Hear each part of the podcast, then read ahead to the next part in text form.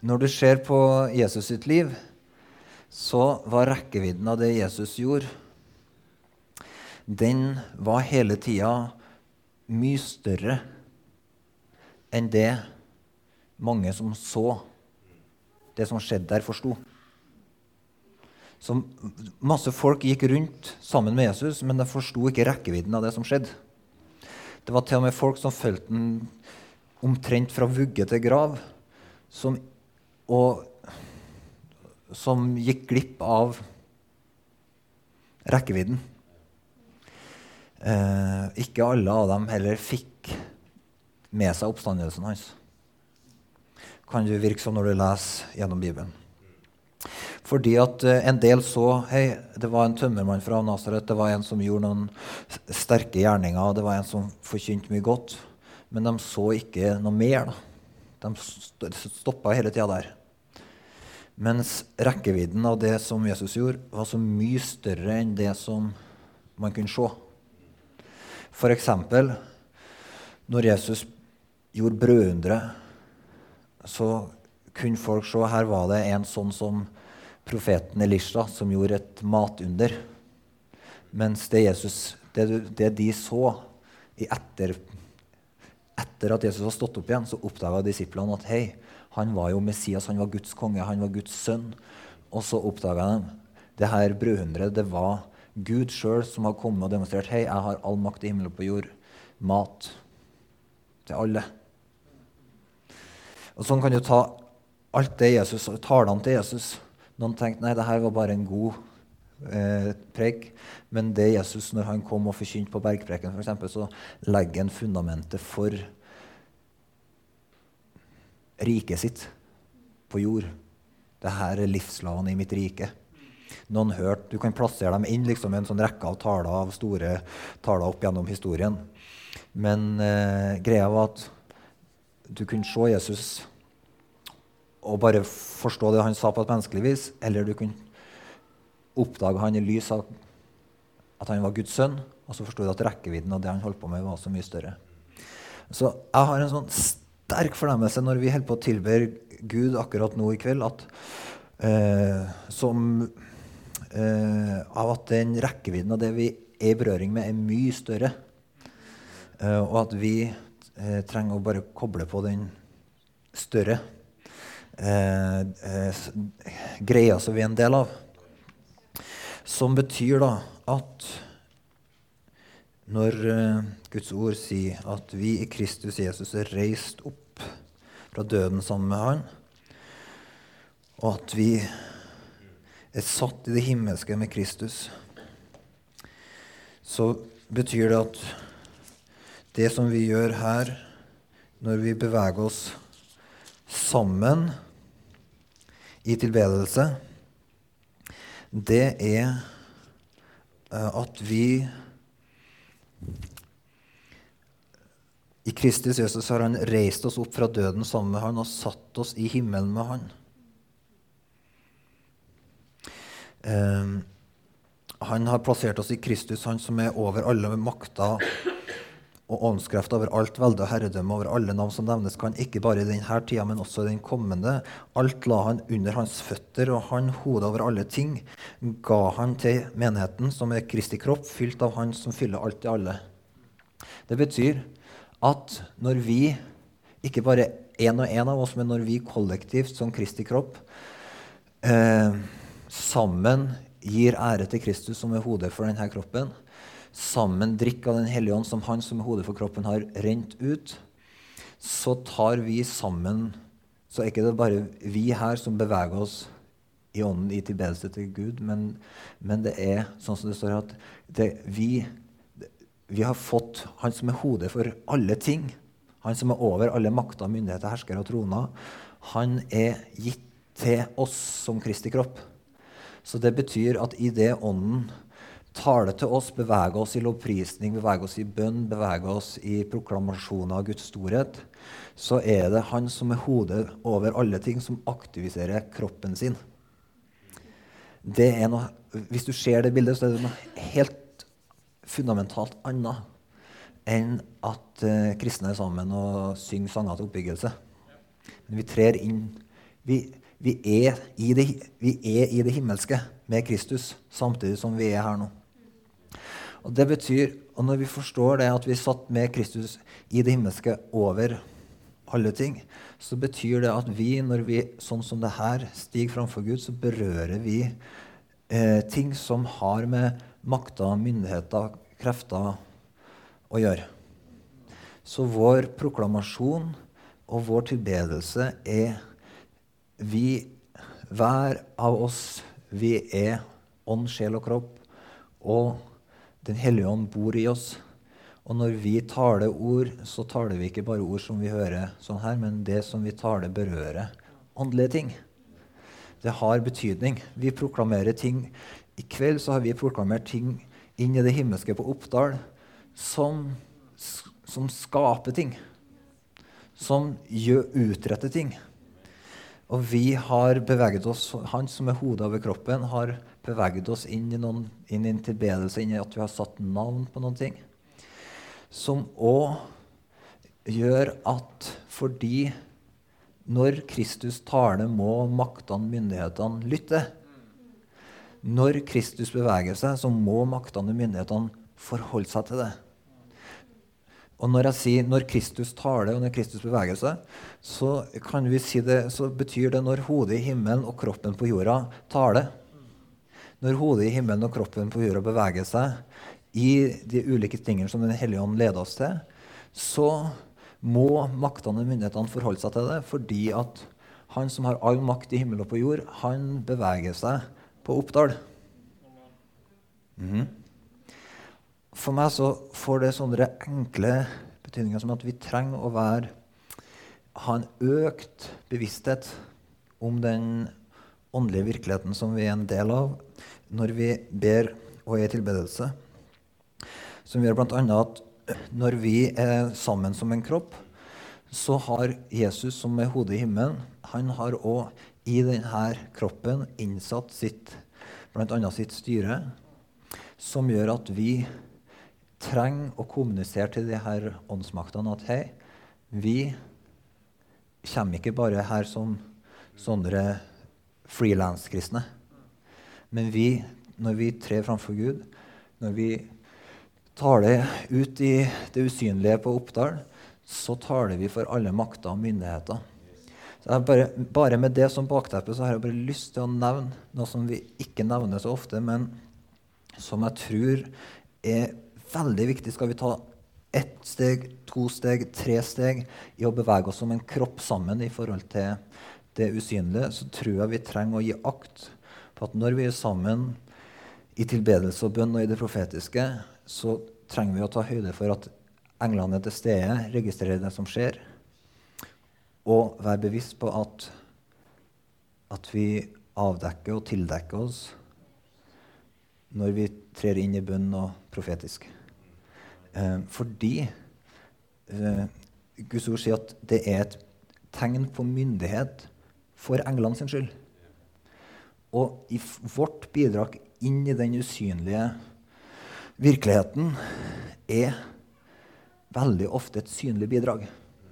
Og, og i forhold til England så er vårt enkle bidrag for å kommunisere Hei, vi kommer ikke som sånne løsrevne bønnefolk eller profetiske ord, men vi kommer kollektivt som en kropp som anerkjenner at Jesus har innsatt sitt styre i menigheten.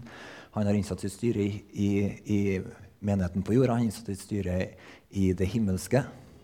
Og i den himmelske forsamlinga med Kristus og alt det her. Eh, sånn at, eh, at det enkle påbudet der gjelder både for menn og kvinner i en stund av profeti og bønn for englenes sin skyld. Så jeg har bare lyst til å ta med det fordi at, eh, jeg tror vi skal ta noen steg fram i å ikke bare bevege oss som enkeltmennesker, men som en kropp berører makter og myndigheter, tar den tar profetisk på en sånn måte at englene sier hei. Der er det ei kvinne som taler med myndighet, for hun taler på vegne av Kristus. Hun vet at hun er underordna han som er hodet i himmelen, og det er Kristus. Hei, der er det en mann som vet hvem han er. Han er underordna. Han er ikke bare en som flyr rundt forbi, men han gir det til kjenne. Han viser englene, maktene, myndighetene alle at hei, jeg kommer ikke på mine egne vegne, men jeg avdekker meg og sier jeg kommer på, i Kristi sted. Så det her har med det usynlige å gjøre. Og du kan ikke forklare de tingene her på noen menneskelig måte. Det eneste det er en enkel ordning for det usynlige. Jeg har lyst til at eh, jeg skal prøve å være målretta i kveld. Og det jeg har lyst til å gjøre, det er først at vi skal se på noen av de her skriftene som viser hvordan det som skjedde med Jesus, hadde betydning for Altså hadde en rekkevidde langt utover det du kunne se. Ok? Fordi at Bibelen bruker mest tid på å beskrive det som vi veldig enkelt ser. Så det betyr altså Når jeg sier det, så, så det, det største delen av beskrivelsen er Hei, Jesus gjorde det her. Hei, eh, Jesus eh, eh, sa det her. Eh, og så videre og så videre. Og så av og til i fortellinga så blir på en måte teppet dratt litt til sides, og så står det ikke bare 'det her gjorde Jesus', men Jesus gjorde det her, og det fikk betydning langt inn i det usynlige. Så en ting som uh, har slått meg i sammenheng med det, det er at uh, det er en enkel uh, notis som flere av evangelistene gjør når Jesus blir døpt av Johannes. Um, det kan du lese bl.a. i Lukasevangeliet kapittel 3. Der står det hele folket lot seg nå døpe, og Jesus ble også døpt. Mens han sto og ba, åpnet himmelen seg. Den hellige ånd kom nedover han i en skikkelse av en due, og en røst lød fra himmelen. Du er min sønn, den elskede, i deg har jeg min glede. Så her er bak, altså her står det at når Jesus ble døpt, så, så er det en liten setning her at, at himmelen åpna seg. Det virker som om himmelen bare åpna seg i et sånt øyeblikk. Den åpna seg. Men det var ikke sånn at det står ikke 'himmelen åpna seg', og der var det en åpen port. Men det står 'himmelen åpna seg', og Den hellige ånd kom nedover den som ei due. Men hvis du leser bibelhistorien sånn helt fra begynnelsen av, så er det så tydelig at bibelhistorien taler om en åpen himmel fra begynnelsen av over jorda, men at på etter fallet så forteller Guds ord oss at veien inn i fellesskapet med Gud ble stengt. Og Det står om, om det her stedet som den hagen som kalles Eden, at der satt Gud to kjeruber med flammende sverd. Kjeruber er sånne himmelske vesen, engler, som ble satt til å vokte hagen.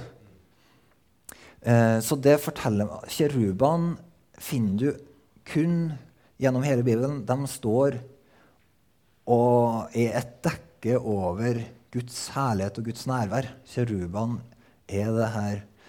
For å komme nær til Gud så må det via kjerubene for å si det enkelt.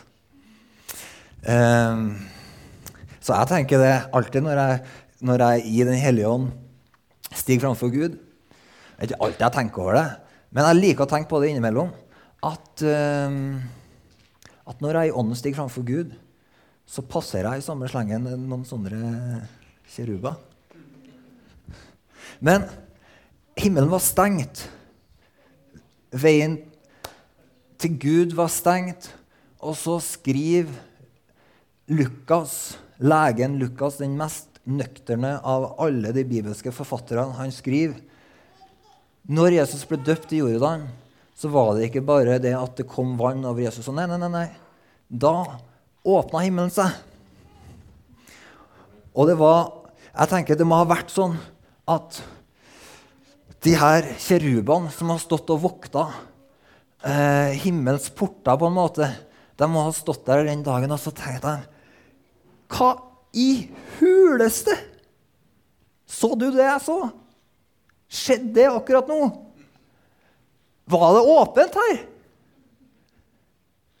Nei, det var bare Det var i tilfelle bare et øyeblikk. Ja, men det var sannelig noe som smatt ut.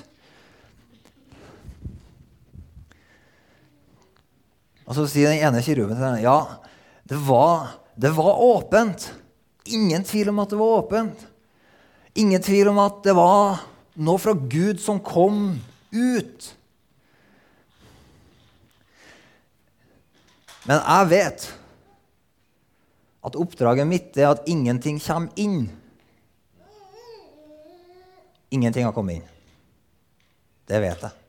Her har jeg stått omtrent fra tidenes morgen, og jeg vet ikke, ikke en pissmaur har passert denne porten.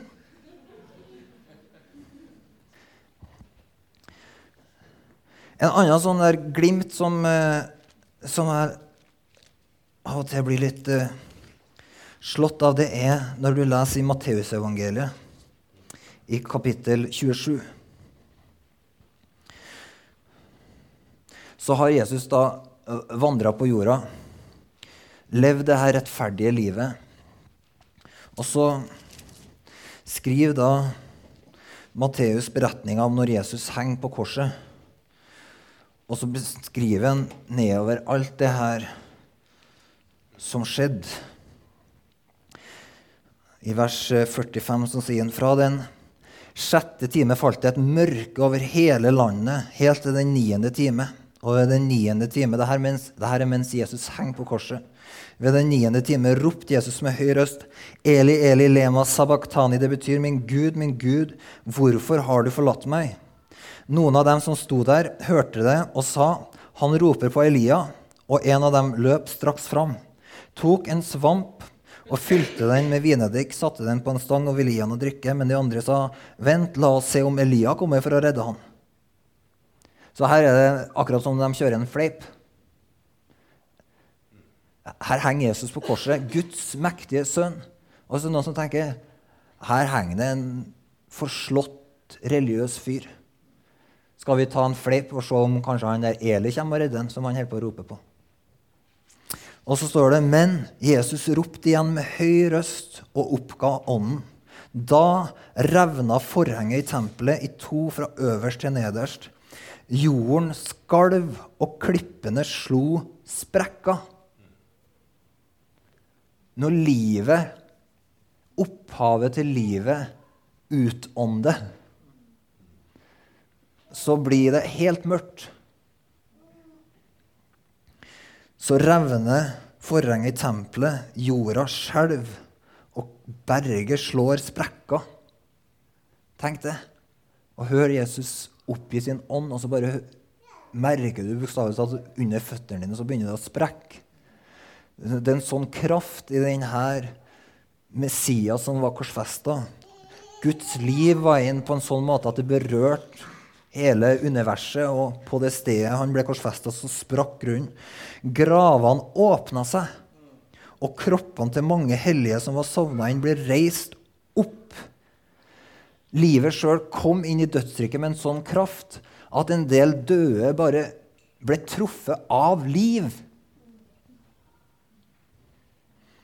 Etter Jesu oppstandelse gikk de ut av gravene og kom inn i den hellige byen, hvor de viste seg for mange.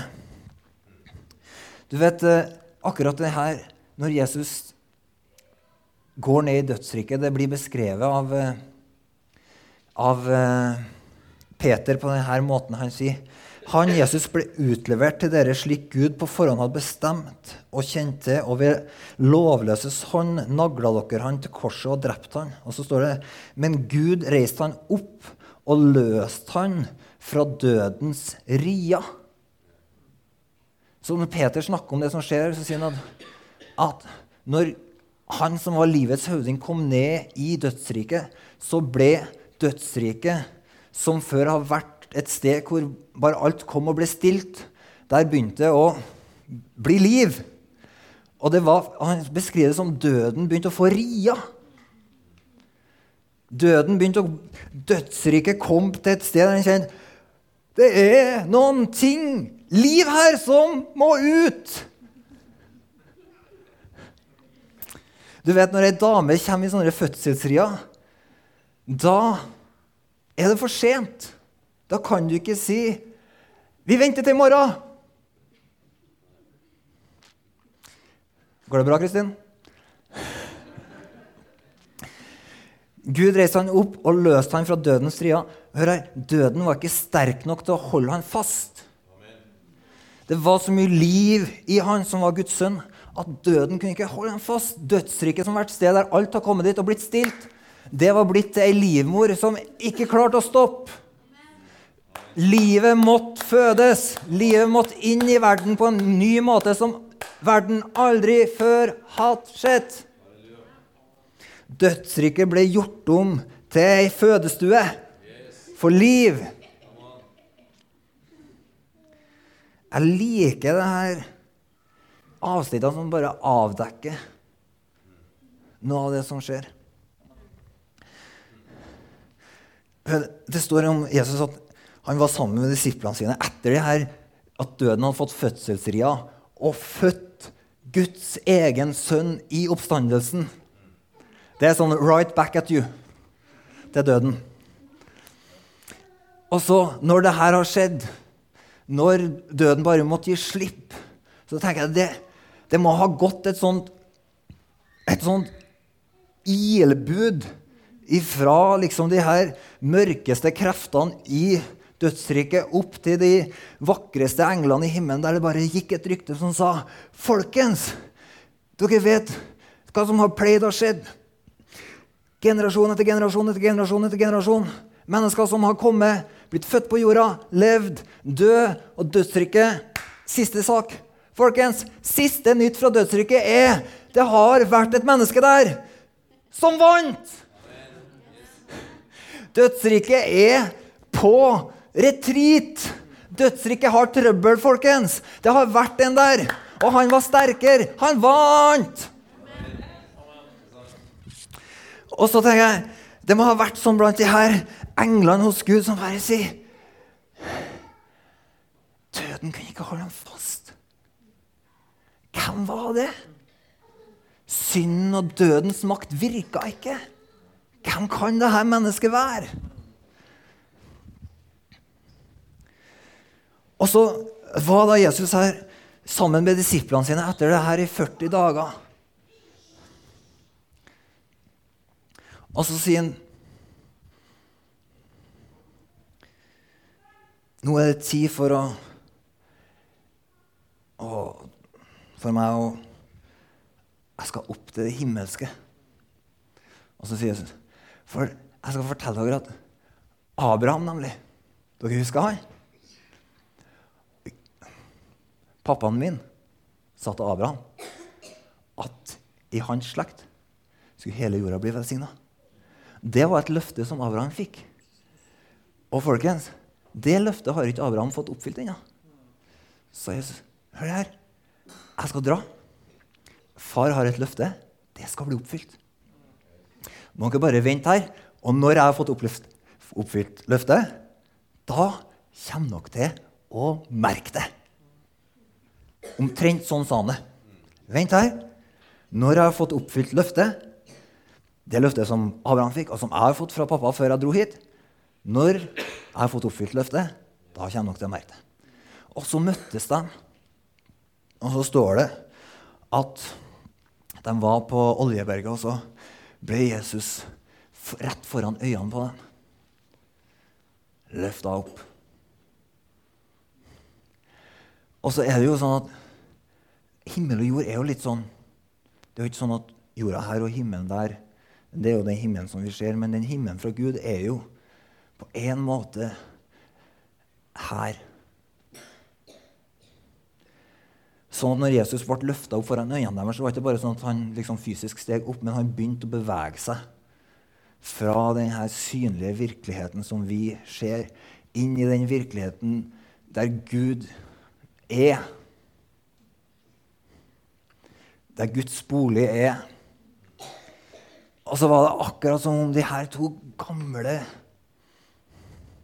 kjerubene igjen de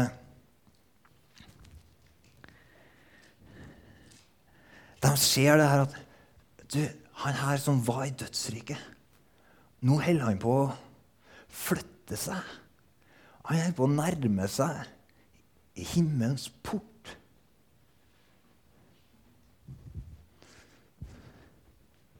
Ja, men det er, det er stengt her. Her er det stengt. Vi har et oppdrag. Om noe slipper ut én gang, så skal i hvert fall ingenting slippe inn. Og Så sier den andre kiruben, ja, men du Vi kiruber vi har jo sånn bibelstudie hver uke.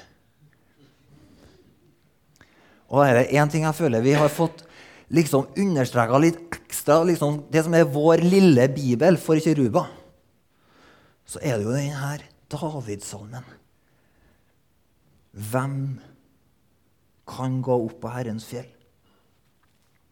Hvem får stå på Hans hellige sted? Ja, hvem er det? Ingen det, ikke sant? Ingen som kan komme hit.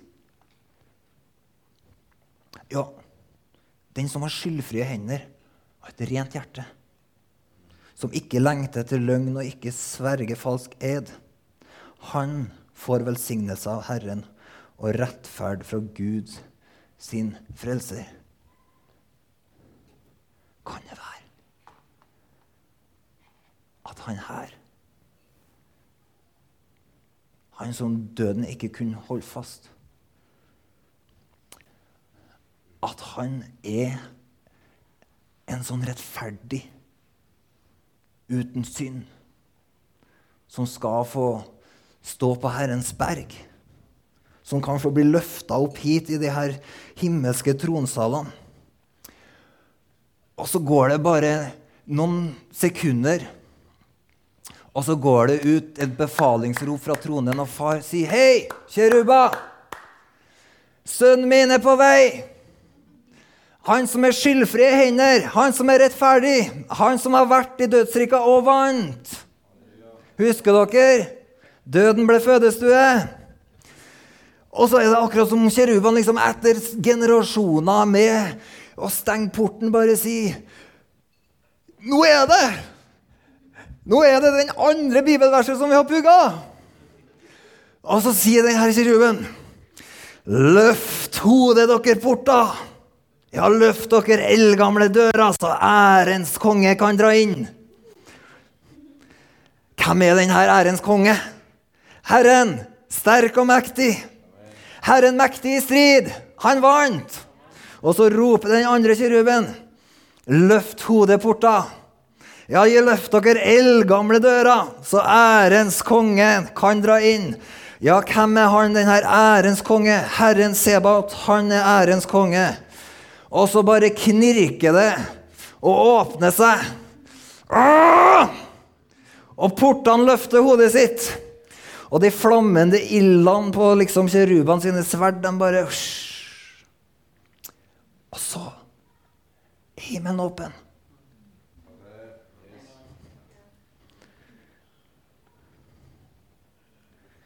Så står det her Men Kristus er kommet som øverste prest for alt det gode vi nå har. Han har gått gjennom det teltet som er større og mer fullkomment, og som ikke er laga av menneskehånd, dvs. Si som ikke tilhører denne skapte verden. Og han har gått der ikke med blod av bukker og kalver, men med sitt eget blod gikk han inn i helligdommen en gang for alle og kjøpte oss fri for evig. Portene åpna seg. Sønnen kom fram for far og sier, 'Hei, jeg har med soneoffer.' Han sa, 'Er det her nok for hele verdens synd?' 'Er det her nok for å få løftet oppfylt?' Og far bare sier, 'Om det er nok?' Du, det her er akkurat det vi trenger. Vi trenger ingenting mer. Det er det vi trenger for evig og alltid. Himmels porter. Dere er åpne, for blodet er runde. Jesus har vunnet. Og så starter lovsangen i det himmelske fordi lammet som er verdig til å åpne seilet, han kommer og setter seg på troen. Han har med sitt eget blod, som er frikjøpingsprisen for folk fra alle nasjoner og stammer. Og så, når hele himmelen liksom reiser seg i ærefrykt for Jesus, for Sønnen, så står det at denne Jesus har Gud reist opp. Og så begynner Peter å beskrive på jorda det som skjedde i det himmelske når da far salver sønnen med kongssalven i Den hellige ånd og sier, 'Sønnen min, riket er ditt, og makten er din.' Han ble opphøyd i Guds høyre hånd og mottok fra sin far Den hellige ånd, som var lova oss. Og den har han nå øst ut, slik dere ser og hører. Og Så sier Peter at det her, det som skjedde i himmelen nå, når sønnen satte seg ved Guds høyre hånd, ble salva av Den hellige ånd, fikk løftet som Abraham bodde i telt på, liksom. Det er det dere nå ser og hører når Guds kraft har blitt rent ut over vanlige menn og kvinner i Jerusalem rundt år 30, så er det fullbyrdelsen av dette løftet. Himmelen er ikke bare åpen i et øyeblikk, men Sønnen har sprengt portene opp. Han har sprengt dødsriket, så dødsriket kan ikke holde noen igjen. Han har åpna himmelens porter sånn at ingen er utestengt. Og ikke bare har han det, men han har rent ut sin Hellige Ånd sånn at himmelen har kommet nær. Og som det står i Efeserbrevet, at i Kristus så hadde Gud en plan om å sammenfatte himmel og jord.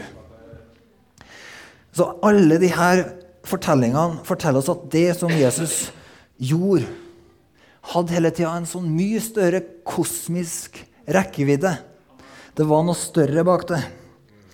Og Jeg har lyst til å trekke sammen det her med noen formaninger fordi det som vi har sett på nå, det her kaller Bibelen for evangeliet om riket.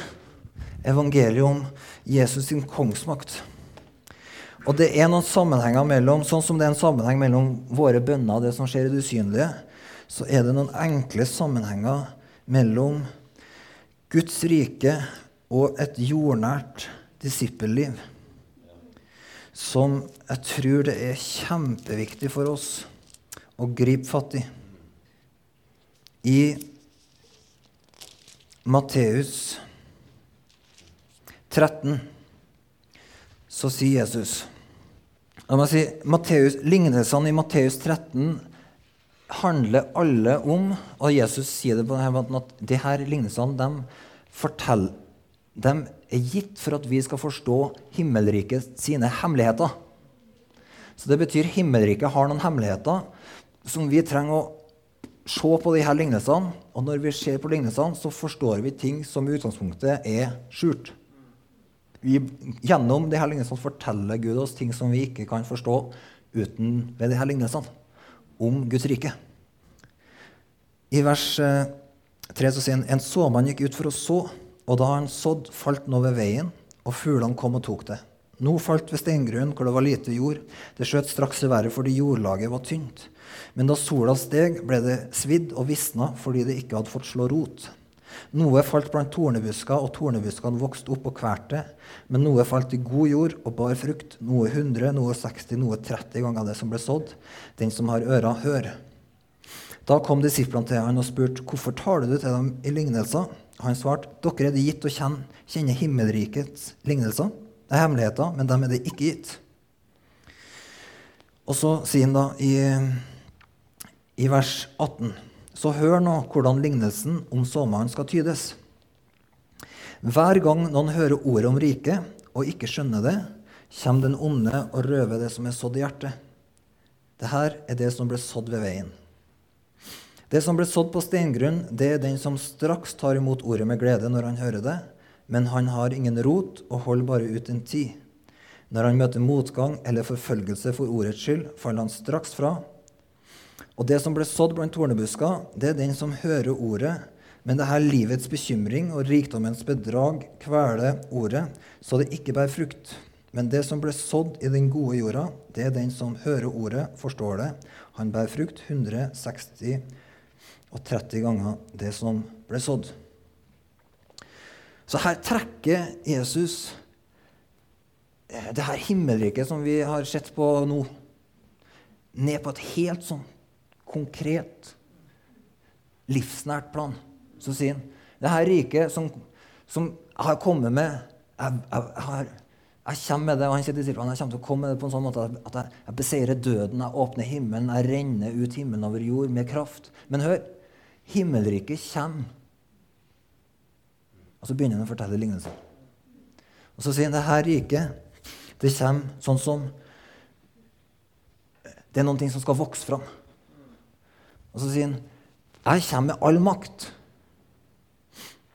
Men riket får ikke større gjennomslag i ditt liv enn det det her såkornet får gjennomslag i jorda uten at jorda er rydda. Så han sier, 'Riket mitt kommer med makt. Jeg har all makt i himmel og på jord.' Alle makter er underlagt Jesus. Men riket kommer ikke i ditt liv mer enn du rydder jorda.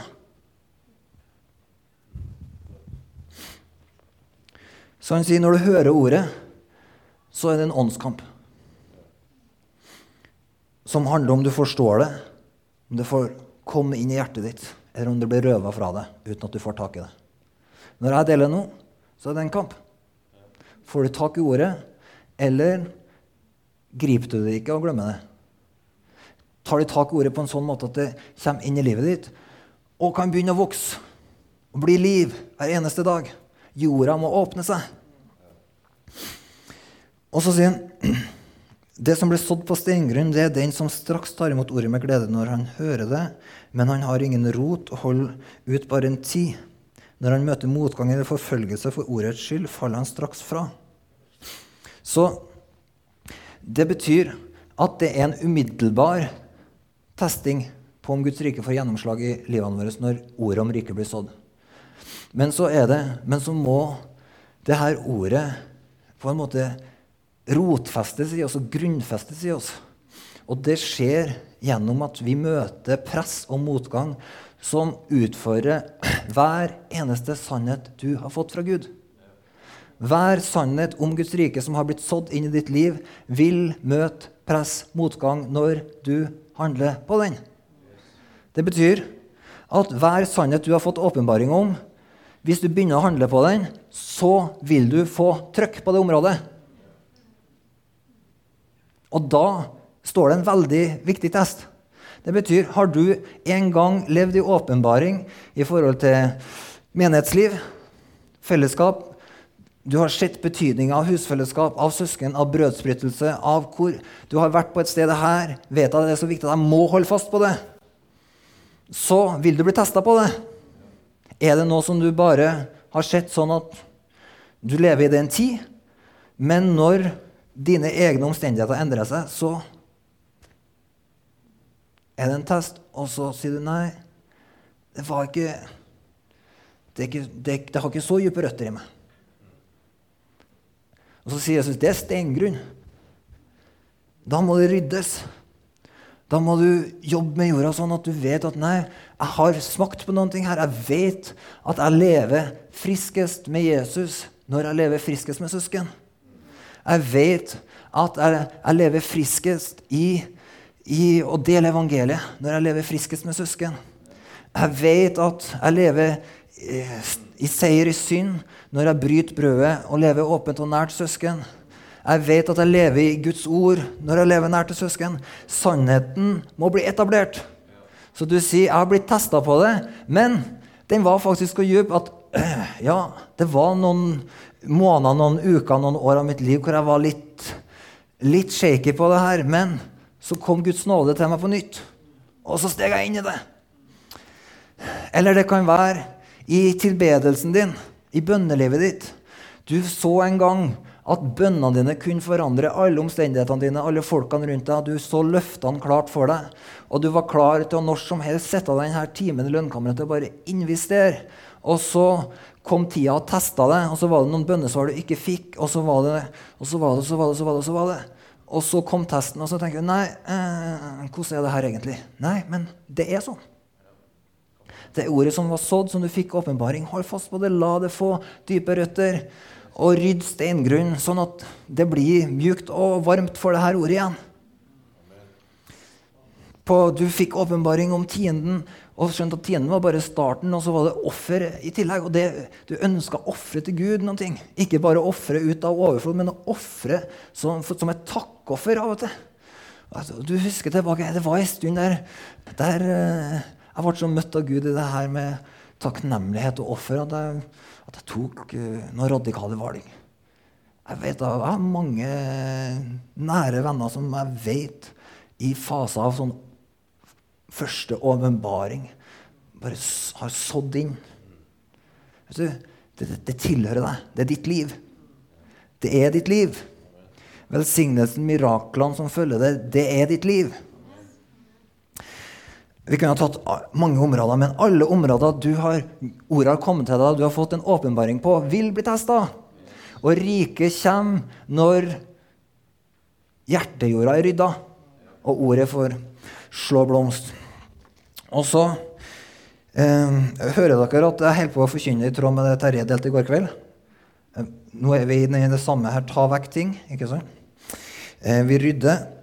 Eh, det som ble sådd blant tornebusker, det er den som hører ordet, men det her livets bekymring og rikdommens bedrag kveler ordet, så det ikke bærer frukt. Så her sier Jesus at eh, du møter press når du handler på en åpenbaring. Og så sier han Og så er det en annen faktor, og det er at Guds rike bryter ikke gjennom der alt mulig annet er. Og faktisk så er jeg så glad for at Markus han er den minste av evangelistene. Men av og til så bare putter han inn ting som jeg tenker Takk Gud for at vi har Markus. For Markus han sier til Jesus på følgende måte i Markusevangeliet i kapittel 4 og vers eh, 19 så sier han eh, de hører ordet, men dette livets bekymringer, rikdommens bedrag og lysten på alle andre ting kommer inn og kveler ordet, så det ikke bærer frukt. Så Markus legger til det her. Du har bekymringene, og du har rikdomsbedraget. Og du har lysten på alle andre ting. Og faktisk er det sånn at du kan ikke få alle andre ting og samtidig få se at Guds rike vedvarende dag etter dag etter dag etter dag etter dag etter dag etter dag etter dag bryter fram med styrke i livet. Du må velge. Du må rydde. Du kan ikke si at du har lysten på alle andre ting og Guds rike. Og Jesus han tar det her videre i Matteus og snakker om en mann som fant en skatt i en åker, gikk bort og solgte alt han eide, for å få tak i skatten. Sånn kommer Guds rike. Og så snakker han om en mann som var ute og lette etter dyrebare perler, så fant han den mest dyrebare perla. Og for å få tak i den perla, så solgte han alt han eide, for å få tak i perla. Og sånn er det med Guds rike. Det kommer, Guds rike kommer til de som ser at riket er så dyrebart at alt ikke litt, men, men alt. her ordet sånn, det skikkelig utfordrer meg. Fordi at jeg kan faktisk sette navn på en del ting som jeg opplever Den hellige ånd taler om. Håvard, det her trenger du å rydde i for at du skal se et gjennombrudd for Guds rike i livet ditt. For at du skal få se et gjennombrudd på de løftene som jeg en gang har gitt deg åpenbaring om. At ikke du skal miste den friske troa på det området, trenger du å rydde. Så hør, det er livets bekymringer. Det betyr livet Jesus, Jesus sier at livet har med seg noen bekymringer. De bekymringene kan bli så store at de kveler gjennombruddet for Guds rike i livet ditt. Så det betyr at vi må ikke, folkens, leke med bekymringer. Vi må ikke bli Resigner i møte med bekymringer. Og ikke si til bekymringene liksom, Kom inn, slå deg ned, ta en kopp te. La oss prate om det her. Men bekymringa er noe som Jesus sier at vi trenger å vende om fra. Og oppskrifta på det er gudsfrykt. Det kan du lese i Lukas 12. Les gjerne Lukas 12. Der tar han for seg mange ting. Og så snakker han om rikdommens bedrag, og det er veldig enkelt at det er en del ting som verden sier er veldig verdifullt, som gjør at vi er villige til å selge noen ting som Gud sier er veldig verdifullt. Så det betyr hvis de grunnleggende tingene i Guds rike Hvis du merker at det er en pris på det, da mener jeg fellesskapet med Jesus, overgivelsen din, friheten din til å vandre i lydighet mot Den hellige ånd, frimodigheten din til å dele evangeliet, anledninga di til å ha jevnlig fellesskap med søsken, over en åpen bibel til å bryte brødet, anledninga di til å være sjenerøs og gjestfri med hjemmet ditt Hvis noen av de tingene her kommer under press, og du føler at du, Jeg kunne ha nevnt flere ting. Evangeliet ditt.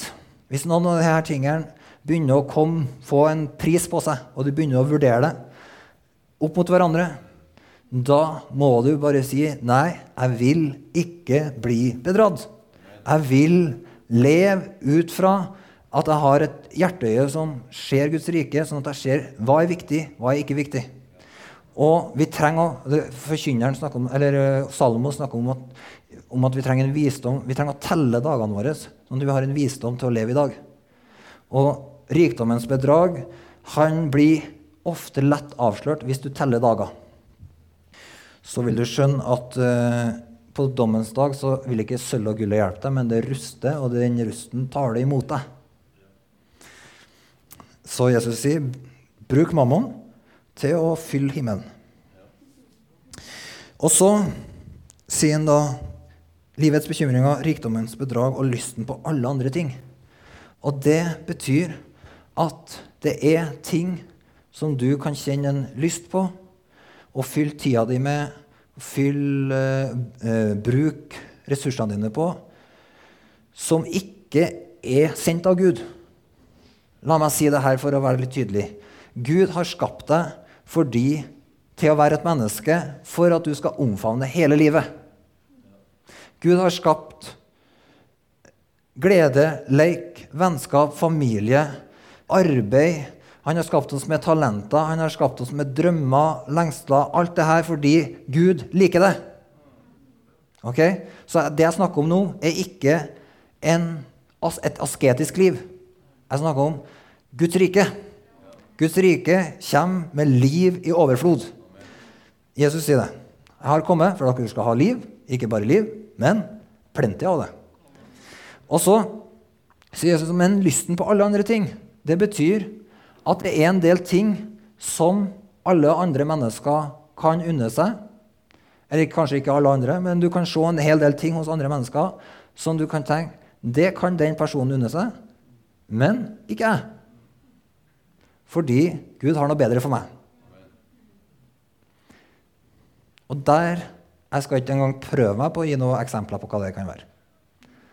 Fordi jeg kunne ha gitt noen eksempler på hva det betyr for meg, men det hadde vært i veldig høy risiko fordi, for at uh, du hadde kommet til å tenke ja, hvis det betyr det for Håvard, så betyr det sikkert det for meg. Men det har ikke lyst til at du skal sitte her og tenke i kveld. Men jeg har lyst til at du skal spørre Gud hva betyr det for meg det her med at lysten på alle andre ting kommer inn av og til og gjør at ordet om riket ikke bærer 30, 60, 100 fold. At ikke det profetiske ordene som Gud har talt, at ikke jeg har tatt nye steg i dem det siste halvåret, året, to, tre, fire, fem årene. Men at jeg har stått på stedet hvil i noen områder. At jeg ikke har vokst nærmere søsknene, at jeg ikke har vokst dypere i bønn. Herre, hva slags ting jeg tror normaltilstanden i riket ditt er at jeg er i vekst, at jeg er i ekspansjon, at jeg ser frukt og ringvirkninger av riket ditt rundt meg. Fordi du herja med døden, du åpna himmelen, du sendte Den hellige ånd. Alt det her englene som bøyer seg for deg, Herre, jeg vet at riket ditt har kommet med makt. Og så sier du, men riket er som en såmann som gikk ut, og jorda så Og det, Gud, jeg vil se riket ditt her. Jeg vil se riket ditt i hverdagen min, attmed kjøkkenbenken, i telefonsamtalene, på foreldremøtene. Amen.